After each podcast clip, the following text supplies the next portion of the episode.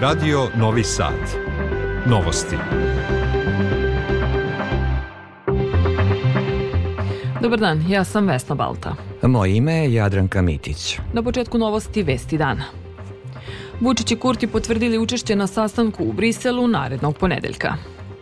Šest osoba uhapšeno zbog sumnje da su oštetili EPS za 7,5 miliona dolara. Urušio se rudnik uglja u Kini. Najmanje dvoje poginulih, više od 50 nestalih. Pokrajinska vlada obezbedila novac za renoviranje i izgradnju sportskih igrališta i hala. Dodeljena nagrada Meša Selimović za knjigu godine. U Vojvodini i sutra slično vreme, temperatura do 17 stepeni. Toliko je sada i u Novom Sadu. Predsednik Srbije Aleksandar Vučić i premijer privremenih prištinskih institucija Albin Kurti potvrdili su učešće na sastanku u Briselu koji će biti održan u ponedeljak 27. februara, saopštila je pres služba Evropske unije. Visoki predstavnik Jozep Borelju uz podršku specijalnog predstavnika Evropske unije Miroslava Lajčaka održat će odvojene sastanke sa Vučićem i Kurtijem, nakon čega će uslediti zajednički sastanak. Tema sastanka je, kako se navodi, predlog Evropske unije o normalizaciji odnosa. Srpska odbrambena industrija je na Međunarodnom sajmu naoružanja i vojne opreme u Abu Dabiju imala zapaženo mesto, ocenjuje ministar odbrane Miloš Vučević. Kaže da se naša delegacija vraća sa dobrim vestima, zbog čega će Vojska Srbije, ali i odbrambena industrija, a time i ekonomija Srbije, izaći jača. Najavljeno je da ćemo sa Ujedinjenim Arapskim Emiratima potpisati prvi ugovor o kupovini njihovih dronova samoubica, koji će veoma brzo stići u našu zemlju. Reakcije Bel beleži Slobodan Vidović.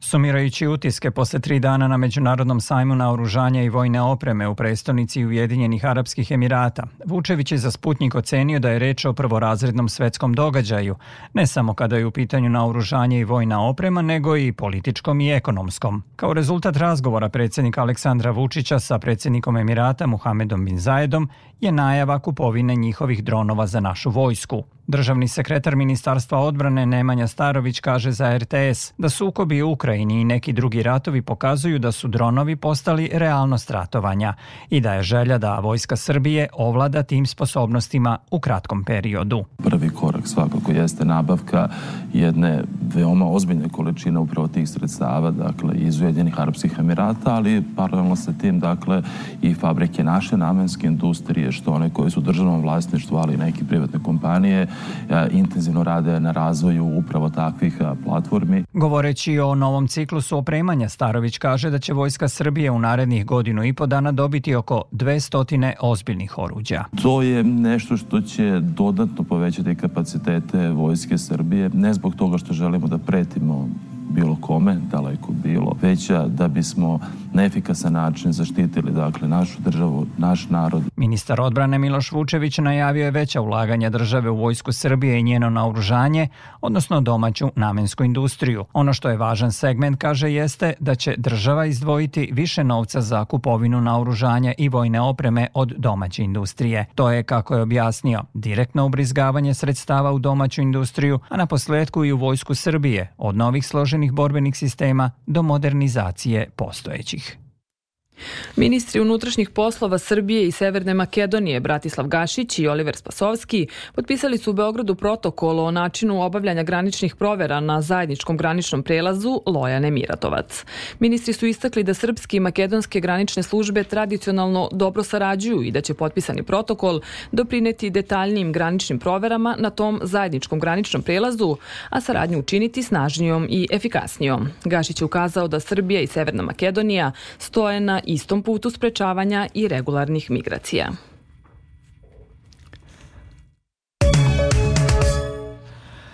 Pripadnici MUPA Srbije službe za borbu protiv organizovanog kriminala po nalogu posebnog odeljenja Višeg javnog tužilaštva u Beogradu uhapsili su šest osoba koje se sumnjiče da su malverzacijama oštetile elektroprivredu Srbije za gotovo 7,5 miliona američkih dolara.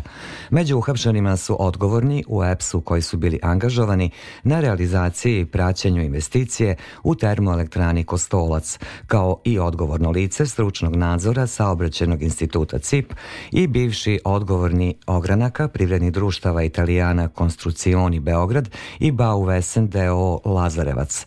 Oni su 2017. i 2018. godine sačinjavali dokumentaciju na osnovu čega su naplaćivali radove koji nisu obavljeni.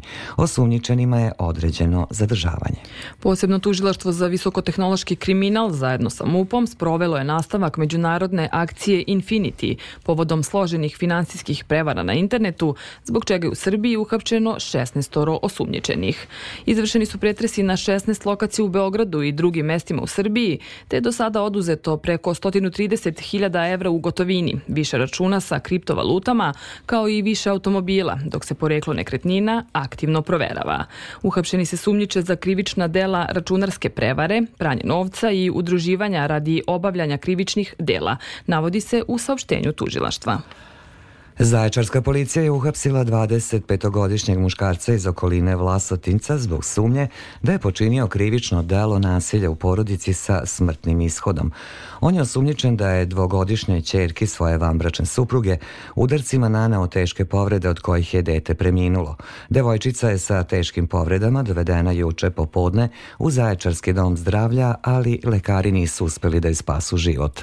Policija je uhapsila i majku osumnjičenu za zanemarivanje i zapuštanje maloletnog lica i neprijavljivanje nasilja nad detetom koje se dešavalo i ranije. Svet Najmanje dve osobe su poginule, a više od 50 ostalo je zarobljeno u velikom obrušavanju u rudniku uglja u autonomnoj oblasti unutrašnja Mongolija na severu Kine. Kineski predsjednik Xi Jinping naredio je sprovođenje spasilačke akcije, dok je premijer Li Keqiang zahtevao brzu istragu o uzrocima nesreće. Obrušavanje se desilo u otvorenoj jami rudnika koji je u vlasništvu kompanije Xinjiang Coal Mining. Snažan zemljotres jačine 5,5 stepeni Richterove skale pogodio je pokrajinu Fars na jugu Irana. Kako navodi Iranski nacionalni seizmološki centar, epicentar zemljotresa bio je u selu Dorz u Farsu, a za sada nema izveštaja o eventualnim žrtvama ili materijalnoj šteti.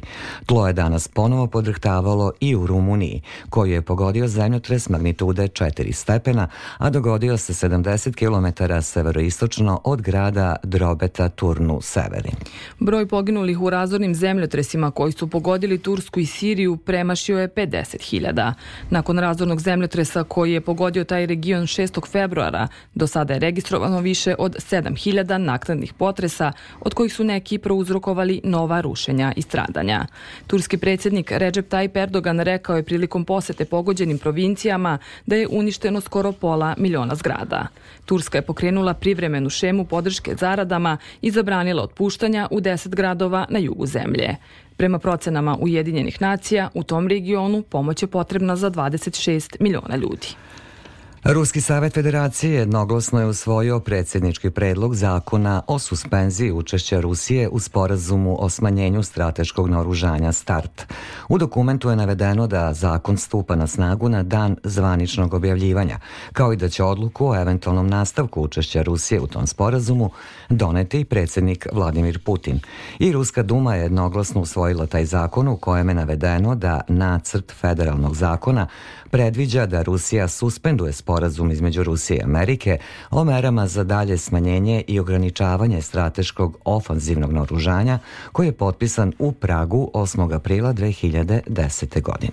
Kineski ministar spoljnih poslova Wang Yi sastao se u Moskvi sa predsjednikom Ruske federacije Vladimirom Putinom. U kratkoj izjavi pred novinarima Wang je rekao da su Kina i Rusija spremne da prodube svoju stratešku saradnju. Na početku posete Moskvi Wang se sastao sa ruskim šefom diplomatije Sergejom Lavrovim, kome je rekao da očekuje da će postići, kako je naveo, novi konsenzus o unapređenju odnosa dva saveznika.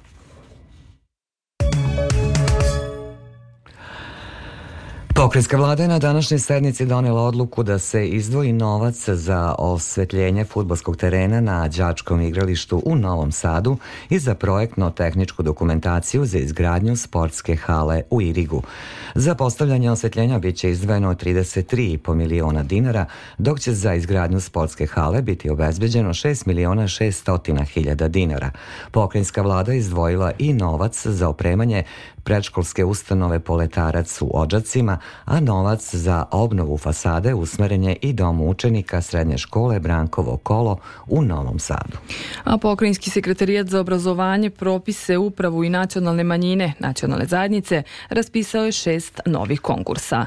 Dva su iz oblasti obrazovanja i četiri iz oblasti ostvarivanja prava nacionalnih manjina, nacionalnih zajednica, kojima se dodeljuju ukupno oko 268 miliona dinara. Projekat Bikultur bavi se unapređenjem kulturnog, istorijskog, religijskog i prirodnog nasleđa i turizma u šest evropskih regija, među kojima je i Vojvodina. Inovativna rešenja nastala u okviru tog projekta, a tiču se Vojvodine, predstavljena su u Novosadskoj kulturnoj stanici Svilara. Reč je o rešenjima koja će doprineti razvoju kulturnog turizma u Baču, Sremskim Karlovcima i Irigu, odnosno na Fruškoj gori. Više o tome zna Milan Rakić. Pokrajinski sekretar za privredu i turizam Nenad Ivanišević posebno se osvrnuo na zakon o očuvanju kulturnog nasleđa Sremskih Karlovaca, koji je Skupština Srbije nedavno usvojila.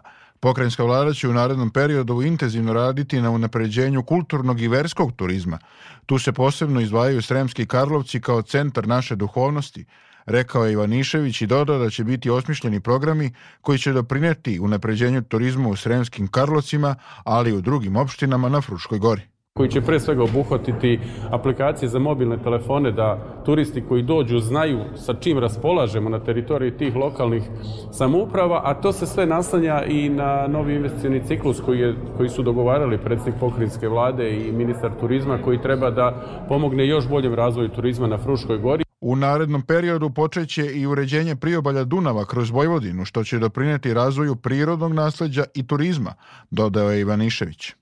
Irig jeste opština koja, koja negde, ajde da kažem, korespondira kao centralna opština u Sremske Karlovce na ovoj sremskoj strani i zato je jako važno, a kad govorimo o Beočinu, recimo, evo, to je dobra vez da smo uspeli da osnovimo turističku organizaciju u opštini Beočin posle toliko godina, nije bilo logike da je nema, ali eto, uspeli smo da obezbedimo sredstva iz pokrinjske pokrinjskog budžeta i da osnovimo turističku organizaciju i opština Bač je prepoznatljiva po kulturno-istorijskim lokalitetima, među kojima se izdvajaju Bačka tvrđava, Franjevački samostan i ostaci Turskog kupatila.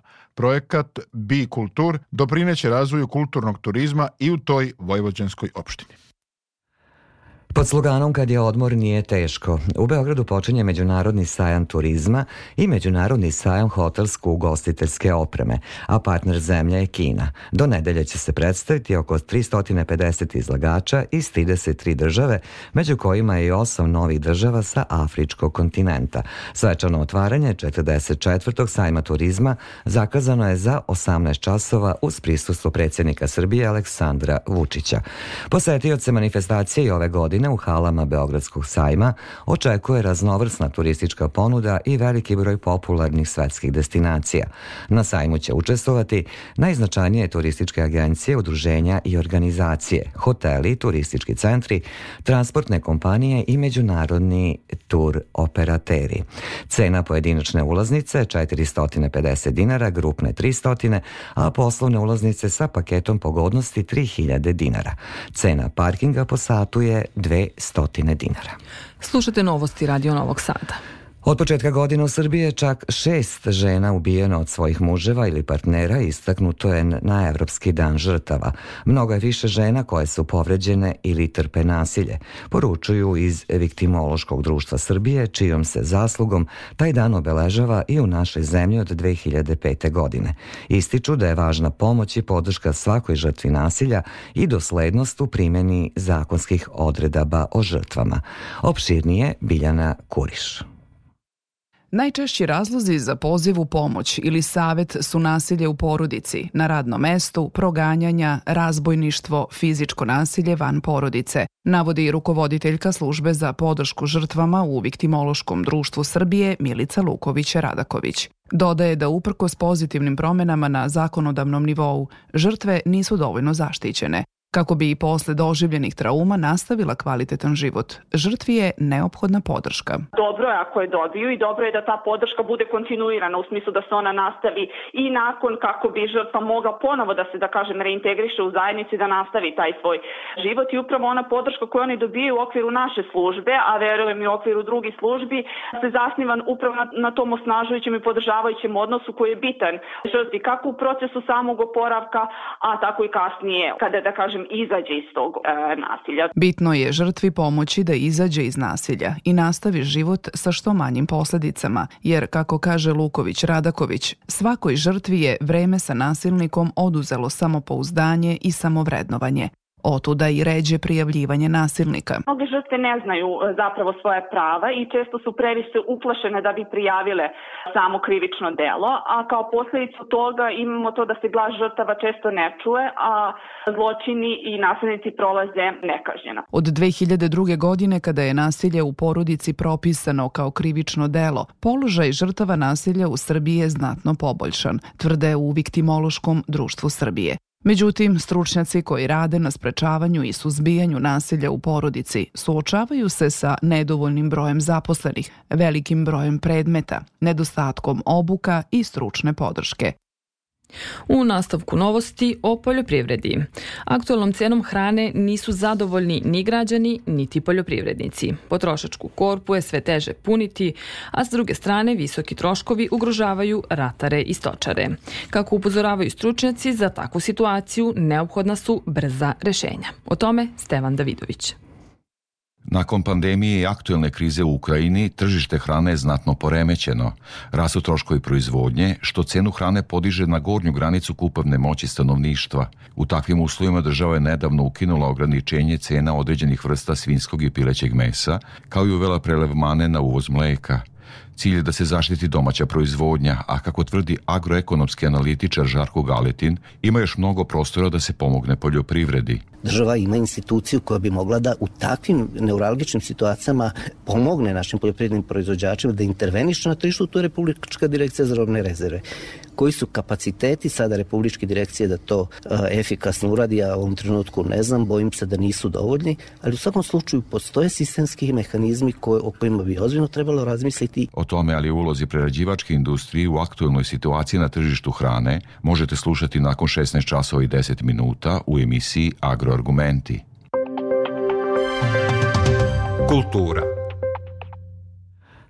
Odlukom velikog žirija večernjih novosti dodeljena je nagrada Meša Selimović za knjigu godine. Izveštava Natalija Dojčinović. Nebojša Lapčević, dobitnik brojnih priznanja za zbirke pesama, romane, zbirke poezije i proze, poreklom iz Kruševca. Dobitnik je 35. nagrade Meša Selimović za lirski putopis Filatelist. Veliki žiri večernjih novosti za ovaj pesnički atlas sveta kaže da se autor u njemu poigravao rečima, slikama, iseckanim predelima životne mape koji su usmereni ka vanvremenskim vrednostima. Nebojša Lapčević, pisac i dobitnik nagrade Meša Selimović. S obzirom da sam i urednik u legatu Milića od Mačve okružen sa slikama Milića od Mačve, ta likovna poetika u jednom trenutku mi je pala na pamet. Počevo od prve markice Penny Black, zatim prve srpske markice Van Gogha, Puškina do Itake. Veliki žiri večernjih novosti koji je činilo 53 književnih kritičara, teoretičara i istoričara dao je 15 glasova filatelistu Nebojše Lapčevića. Dragan Bogutović, dugo dugogodišnji novinar večernjih novosti. Ovoga puta neizvesnost oko laureata trajala je svih 13 dana objavljivanja glasova kritičara. Tri knjige su se izdvojile, sustizale su i prestizale jedna drugu, da bi se tek danas video ishod. Proglašenje laureata upriličeno je u Vukovoj zadužbini, a nagrada koja je ustanovljena 1988. godine sastoji se od skulpture sa likom Meše Selimovića, povelje i novčane nagrade. Sport. Sportski pregled počinjemo odbojkom. Odbojkašice jedinstva u Staroj Pazovi od 19 časova dočekuju rumunski Lugož u prvom meču polufinala Kupa izazivača. Košarkašice Vojvodine od 18 časova u Beogradu igraju protiv Partizana u četvrtfinalu Kupa Srbije Milan Ciga Vasojević. Večeras od 21 sat na programu su i dva susreta Lige šampiona u futbalu. Sastaju se Inter i Porto, odnosno Leipzig i Manchester City.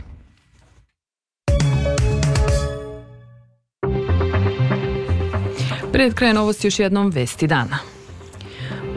Vučić i Kurti potvrdili učešće na sastanku u Briselu narednog ponedeljka. Šest osoba uhapšeno zbog sumnje da su oštetili EPS za 7,5 miliona dolara. Urušio se rudnik uglja u Kini, najmanje dvoje poginulih, više od 50 nestalih.